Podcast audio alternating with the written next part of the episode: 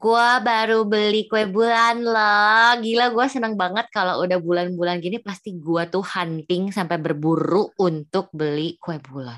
Saking sukanya. Bulan apa ya emang? September lah.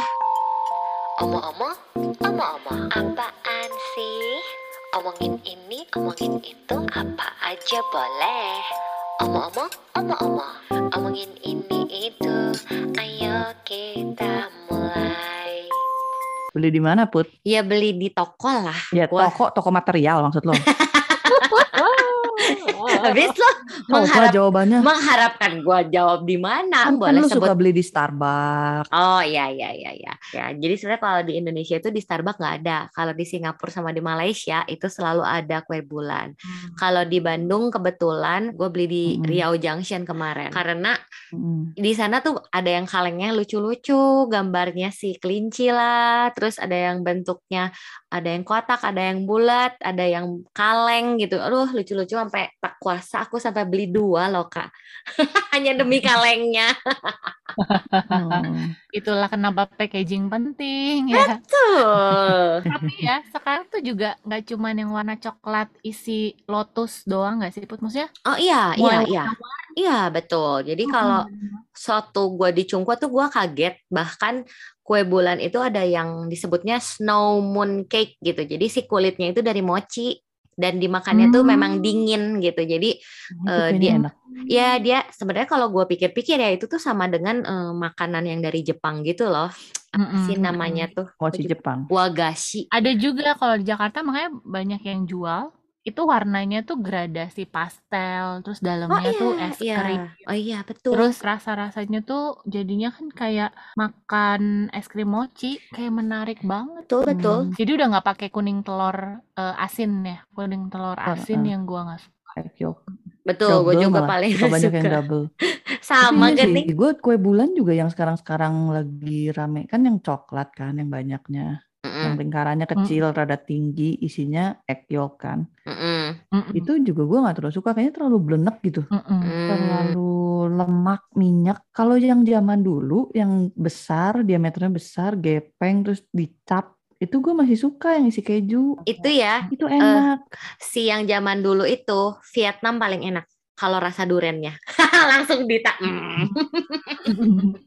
Kalau gue yang itu lebih suka rasa coklat. Rasanya tuh tau mirip kayak telur gajah tuh nggak sih? Iya iya, telur Iya, keju. iya. Yang isi tel- gula aren. Bener-bener. Gajah telur ini aduh jangan didengar Kiran nanti bingung. telur gajah bertelur makanya. Itu sama gurunya Puput yang bingung iya mama bilang gajahnya bertelur apa sih Iya. Apa sih? Oke, kembali ke topik. Jadi sekarang Puput belinya yang jenis mana? tudus itu sih dua yang satu tuh tradisional yang satunya lagi tuh maca tapi kalau ditanya ya gue paling suka kue bulan itu rasa apa rasa nanas kalau waktu di Cungkuo di sini nggak ada di Cungkuo tuh lu bisa cuman Hmm. beli harganya 2000 perak ukurannya paling cuman segede 5 Kayak sampai nastar 6 gede. Iya, 5 sampai 6 cm isinya nanas dan di di packingnya tuh kayak per- permen gitu yang atasnya grege-grege Mm-mm. gitu. Jadi lu sekali makan itu kalau udah lewat eh, musim Chungcheong ini atau Mid Autumn ini itu semuanya tuh di diskon. Gila bisa. itu akhirnya gue suka beli terus kayak gue simpan untuk persediaan sebulan kemudian gitu. Oh, buset, belum bahas itu. Makanya gue di jamuran. maka kan ada itunya, ada si yang pengawet yang apa sih yang warna biru yang Silikon. gel. ah, silicone gel ya. Jadi, Hmm. Makanya no wonder kan waktu gue ke Cungko gue naik 10 kilo di udah kayak semangka muka gue. Kan? ya, Hmm. semua orang akan naik 10 kilo pada waktunya sih. Jadi apa? Makannya tuh mid autumn ya tadi apa? Ya, Oh, mid oh. autumn. Jadi Chong Chiu, Chong itu tengah, Chiu itu musim gugur. Jadi biasanya tanggal 15 bulan 8-nya kalender China ya. Jadi memang selalu dirayakan di saat itu. Kenapa? Karena sesudah panen, udah panen petani happy-happy, terus mereka merayakannya dengan eh, makan kue bulan sambil memang di saat itu adalah eh, bulannya juga paling gede kan. Jadi biasanya sih kalau di Cungko eh, selain Imlek memang keluarga-keluarga tuh pada berkumpul gitu ya, duduk gitu di teras gitu ya, di balkon sambil lihat uh, bulannya, sambil makan kue bulan, terus sambil minum teh. Hmm. Kalau Imlek tuh musim semi, kalau ini hmm. musim gugur. gugur. Jadi hmm. me menyambut musim gugur setelah panen yang uh, sukses. Gitu Ber ya, ya betul panennya kan sukses tuh, jadi kan jadi kayak bersyukur juga. Nah, yang hmm. baru aja gua tahu setelah gua baca-baca ternyata itu juga sekalian menghormati Dewi Bulan ya. Karena bulan itu juga kan mempengaruhi cuaca, juga mempengaruhi musim kan. Jadi makanya kenapa mereka merasa bahwa Dewi Bulan itu berpengaruh sangat besar untuk uh, kesuksesan panen dan pekerjaan mereka kali ya.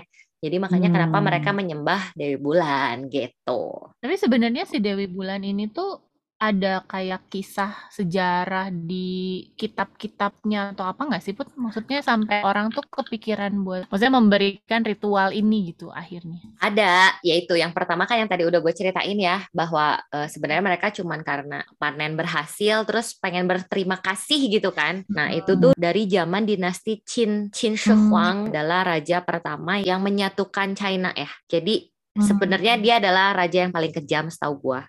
Oh. Karena dia kejam tapi dia berhasil menyatukan China gitu. Nah, jadi di saat itu hmm akhirnya mereka menetapkan bahwa ada hari perayaan kue bulan. Nah, tapi yang paling keren itu tuh ada sejarahnya bener-bener kejadian itu di dinasti Ming. Mereka tuh dijajah sama Mongol. Nah, ini, ini kira-kira tahun-tahun berapa sih? Ini kalau yang Qin dinasti Qin itu di 221 sebelum Masehi. Oke. Okay. Hmm. Luar biasa pupuk linknya ya sampai ke tahun ya. Gue nggak menyangka bisa menjawab. Bisa dong.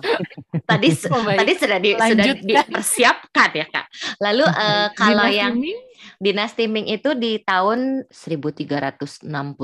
Udah Masehi. Uh, uh, udah Masehi itu. Terus uh jadi di saat Dinasti Ming itu petani-petaninya itu tuh pada tersiksa banget. Akhirnya ada satu orang yang namanya adalah Chu Yuanzhang uh, dibantuin hmm. sama Liu Powen nyebarin kabar katanya bahwa ada penyakit mematikan, tapi ada obat penawarnya nih. Obat penawarnya adalah kue bulan. Hmm. Jadi kue bulannya itu sama mereka dimasukin surat. Hmm. Si surat suratnya itu tulisannya kepada seluruh masyarakat mendukung pemberontakan terhadap bangsa Mongol. Jadi mereka ngomong hmm. bahwa tanggal 15 bulan 8 nanti gitu ya, semuanya harus nyerang supaya meruntuhkan si Mongol itu dan akhirnya berhasil kok. Oh. Jadi broadcast message ya ini. Ya? Iya iya iya. Jadi memang hmm. mereka mungkin mikir juga ya harus disumputin ke mana supaya nggak ketahuan. Kalau yang gue baca si metodenya itu jadinya si tulisannya ditaruh di, di permukaan mm -mm. uh, mooncake-nya dan dia ditaruhnya dalam empat set apa dalam satu set yang isinya empat mooncake dan dipotong jadi empat masing-masing mooncake-nya sehingga kita punya 16 potong itu disatuin baru jadi bisa kebaca semua message-nya apa. Terus supaya hilang buktinya, jadi si dimakan. dimakan. Oh, berarti hmm. itu lebih lebih keren lagi ya. Uh, uh, jadi yang ini kayak ada lebih lengkap. Iya. Ya, yang itu udah ada fitur itu deleted message. Oh. makan. Makan. ya bener. Untungnya nggak ada yang tiba-tiba anak kecilnya nyuri satu gitu, jadi kayak maksudnya ini kita terus abis itu apa ngebunuh atau apa gitu jadinya nggak dapet message yeah, untungnya enggak. Tapi gila ya maksudnya uh, kan ada yang suka ngomong kalau lu pengen belajar strategi ya entah perang, entah marketing hmm. or bisnis gitu ya, lu baca suruh baca buku perangnya si San Kuo itu gitu kan. Samkok lah Samkok. Kalau dipikir-pikir memang kayaknya hmm. kalau untuk strategi-strategi kayak gini tuh memang Kuo paling oke okay sih. Gila sih kalau bayangin di saat itu ya ya kita sekarang udah ada WhatsApp gitu. Ya ini makanya kenapa bisa pakai kue bulan, Kak. hmm. Pikiran ya. luar biasa oh, sih. Pikiran. Tapi ya, hmm. terus habis itu kan yang lu bilang tadi lucu lucu itu gua rasa karena ada satu gambar iya yang relate dengan barang eh atau item yang lu sangat suka sekali ya betul kan? kelinci kak iya apa hubungannya kalau tadi kan mau perang mau perang kan terus iya. kenapa tiba ujuk-ujuk jadi cute cute kelinci putih tak berdosa itu loh ngerti gak sih? Oh, tak berdosa. Tak berdosa. Tapi memang lucu banget. Jadi kalau yang itu iya. mungkin uh, sangkut pautnya tuh sama mitos, bukan mitos ya, tapi lebih ke legenda, legenda uh, kisah dari Hou Yi hmm. dan Chang'e. Jadi zaman dulu tuh katanya pada dahulu kala matahari di di bumi itu ada 10. Panas hmm. banget kan? Akhirnya si Dewi Yang dulu nonton Sun Gokong tahu tuh. Oh iya benar di Sun Gokong tuh ada benar-benar. Benar-benar. Lagu awalnya kan ada momen ya? Momen manah matahari kan? Oh benar.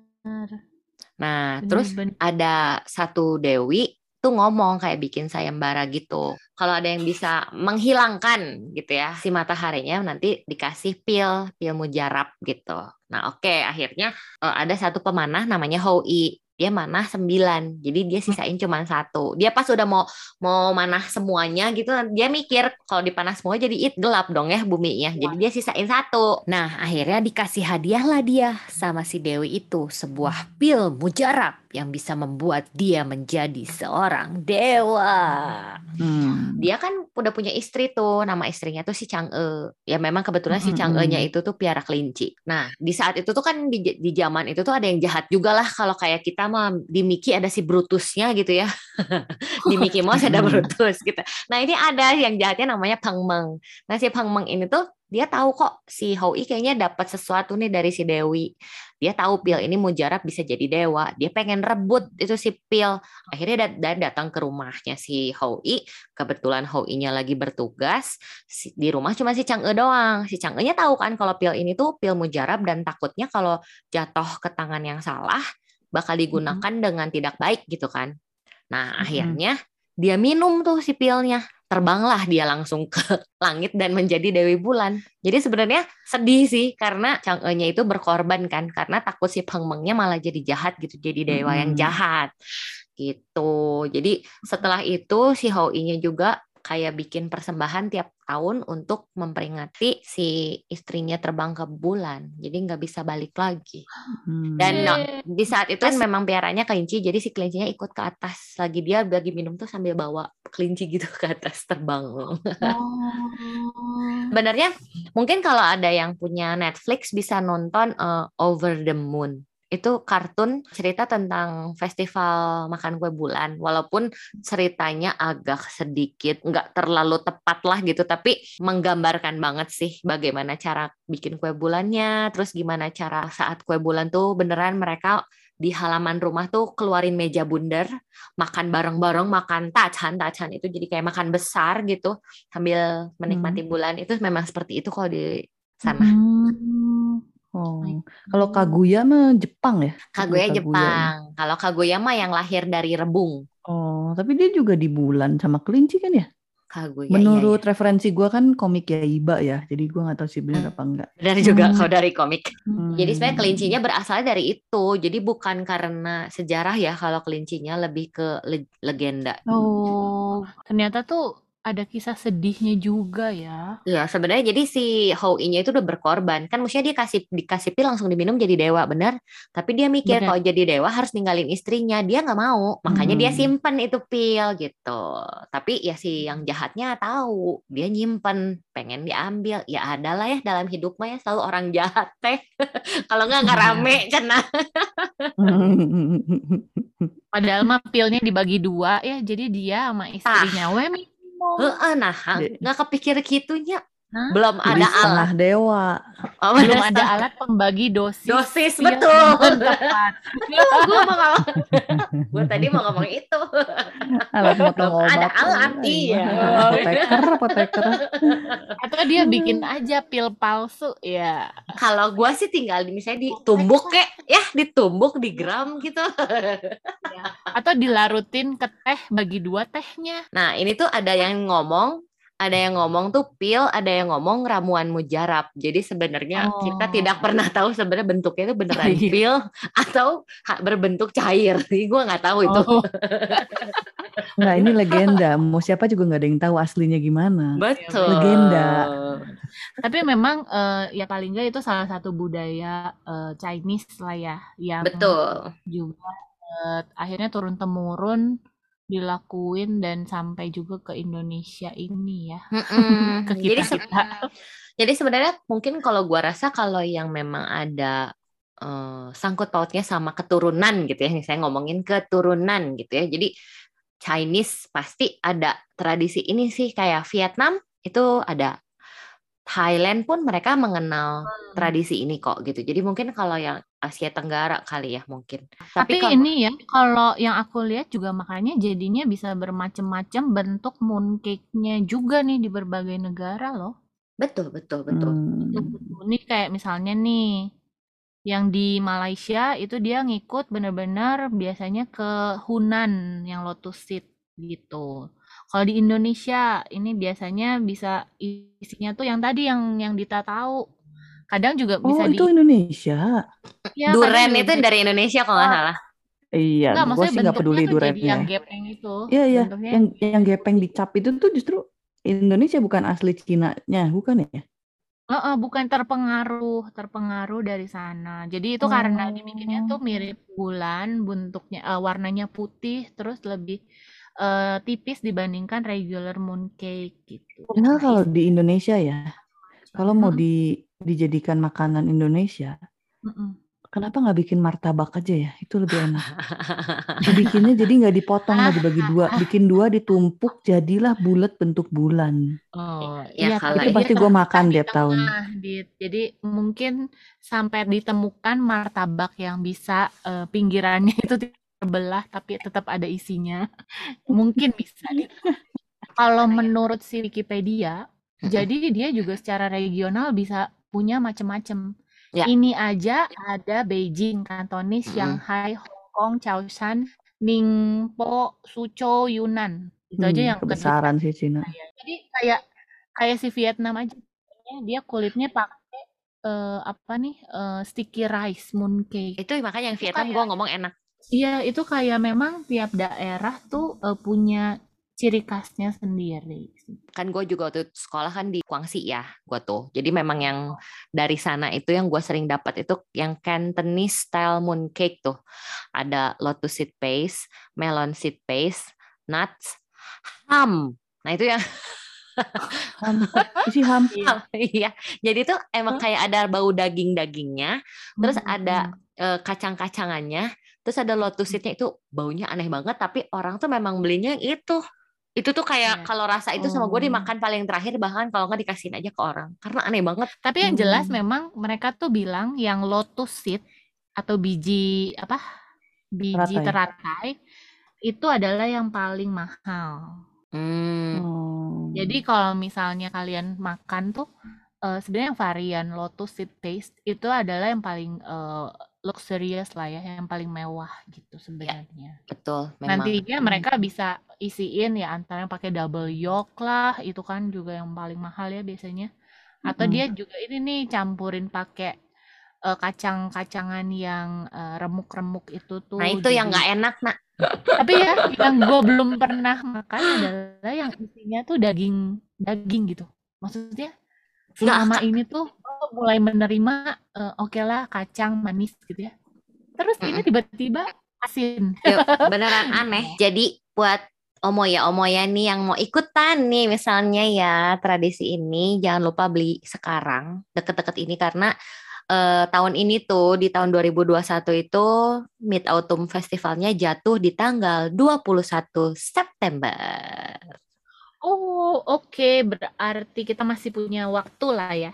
Cepat cari, walaupun bukan yang dari Singapura, bukan dari Malaysia, bukan dari mana-mana, kita bisa uh, beli yang lokal. Lokal juga udah mulai banyak tuh yang bikin. Banyak Nah, banyak. jadi Masuk yang gepeng-gepeng. acara kue bulan ini tuh belum beres. Soalnya kue bulan di rumah gue udah habis. Itu mah rakus. Omong-omong, omong-omong, omongin ini, omongin itu. Omong-omong, omong-omong, kepingin kami terus ya.